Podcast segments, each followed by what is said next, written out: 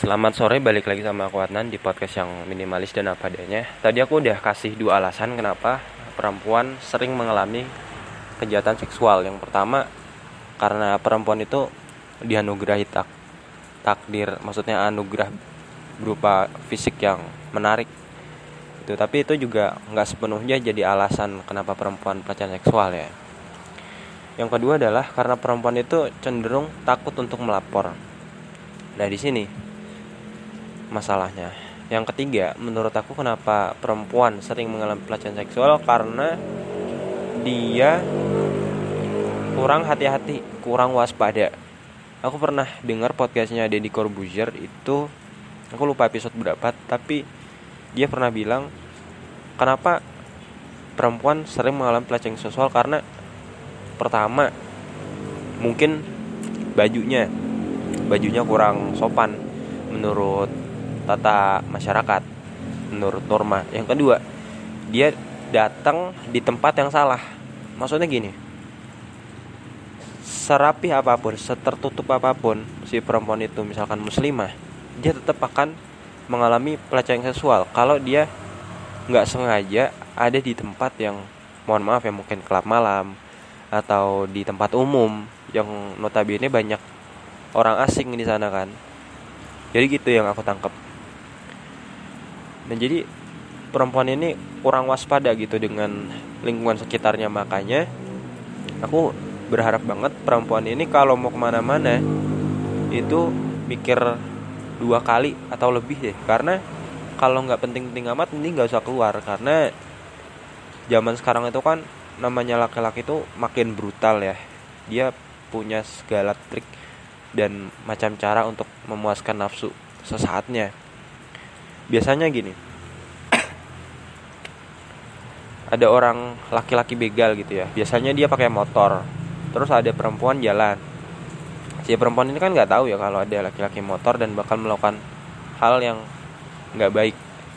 Nah ketika itu udah terjadi perempuan ini juga shock kan.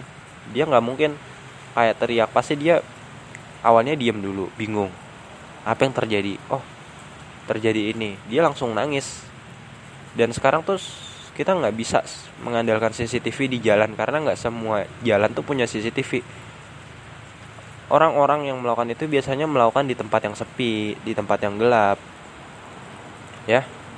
Jadi perempuan menurutku harus hati-hati banget kalau mau keluar. Misalkan emang kalau mau keluar itu apa ya meskipun ini nggak 100% melindungi kamu yang perempuan seenggaknya kamu udah waspada gitu kayak cari temen deh temen sama perempuan yang bisa saling jaga. Terus kamu siapin kontak darurat gitu yang bisa kamu hubungi yang kamu percaya. Jika itu terjadi misalkan kamu mengalami hal seperti itu coba kamu ingat wajah pelakunya. Karena itu bisa jadi cara untuk menangkap si lelaki ini. Atau kalau pakai motor si laki-lakinya kamu inget-inget nomor platnya apa. Nah kalau udah tahu nomor platnya kemungkinan besar lebih mudah ditangkap gitu. Tapi ya kembali lagi namanya pelecehan seksual itu suatu hal yang rumit. Dampaknya apa bagi si perempuan itu? Sangat-sangat traumatis dan aku sangat kasihan gitu. Meskipun aku sebagai lelaki tapi tetap aku merasa kasihan sama perempuan itu. Kok kok bisa ya? Laki-laki bejat laki-laki yang nggak tahu diri begitu mudahnya melakukan kejahatan itu dan banyak yang lolos. Sampai detik itu banyak banget yang lolos. Dan penegakan hukum di Indonesia tahu sendiri kan gimana? Kayak belum begitu tegak belum begitu tegas menurutku. Dampaknya bagi si perempuan adalah tentu dia traumatis. Banyak perempuan yang mendadak masuk rumah sakit jiwa karena dia depresi dia stres. Bayangkan kalau sesuatu yang berharga yang kita jaga betul yang kita punya terus dirampas orang lain kita kan merasa nggak berguna ya kita nggak bisa melindungi. Perempuan itu kan punya apa ya kelamin yang menjadi kehormatannya yang mereka jaga betul. Ketika ada laki-laki yang nggak baik itu merampas harga dirinya perempuan itu seolah harga dirinya tuh udah nggak ada udah nol bahkan minus. Ya kan? Dan aku cukup kasihan cukup prihatin kenapa ini masih aja terjadi gitu loh. Karena perempuan ini kalau untuk mengobati depresi itu kan butuh waktu lama ya. Konseling beberapa kali mungkin belasan kali puluhan kali sampai itu sembuh sampai dia benar-benar bisa memaafkan dirinya sendiri dan orang lain. Aku sering dengar cerita orang-orang yang mengalami pelecehan seksual itu mereka jadi takut sama laki-laki. Mereka takut untuk berhubungan dengan laki-laki. Meskipun laki-laki yang datang itu niatnya baik dia tetap menganggap laki-laki itu buruk.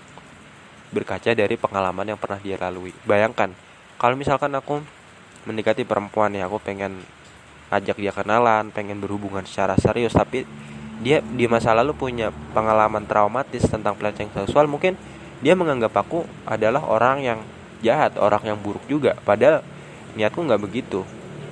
Dan ini susah untuk diobati. Ini sangat susah. Makanya kasihan juga. Kamu tahu sendiri kan gimana kondisi rumah sakit jiwa itu sangat riuh sangat rame dan susah untuk diatur orang-orangnya. Karena setiap orang yang sakit jiwa di sana itu punya penyakit jiwa yang berbeda-beda. Penanganannya pun harus spesifik dan beda-beda juga. Berbeda kayak kita orang normal. Kita kalau lapar ya makan. Kita kalau sakit jadi obatin berobat. Tapi kalau orang sakit jiwa itu nggak semudah itu.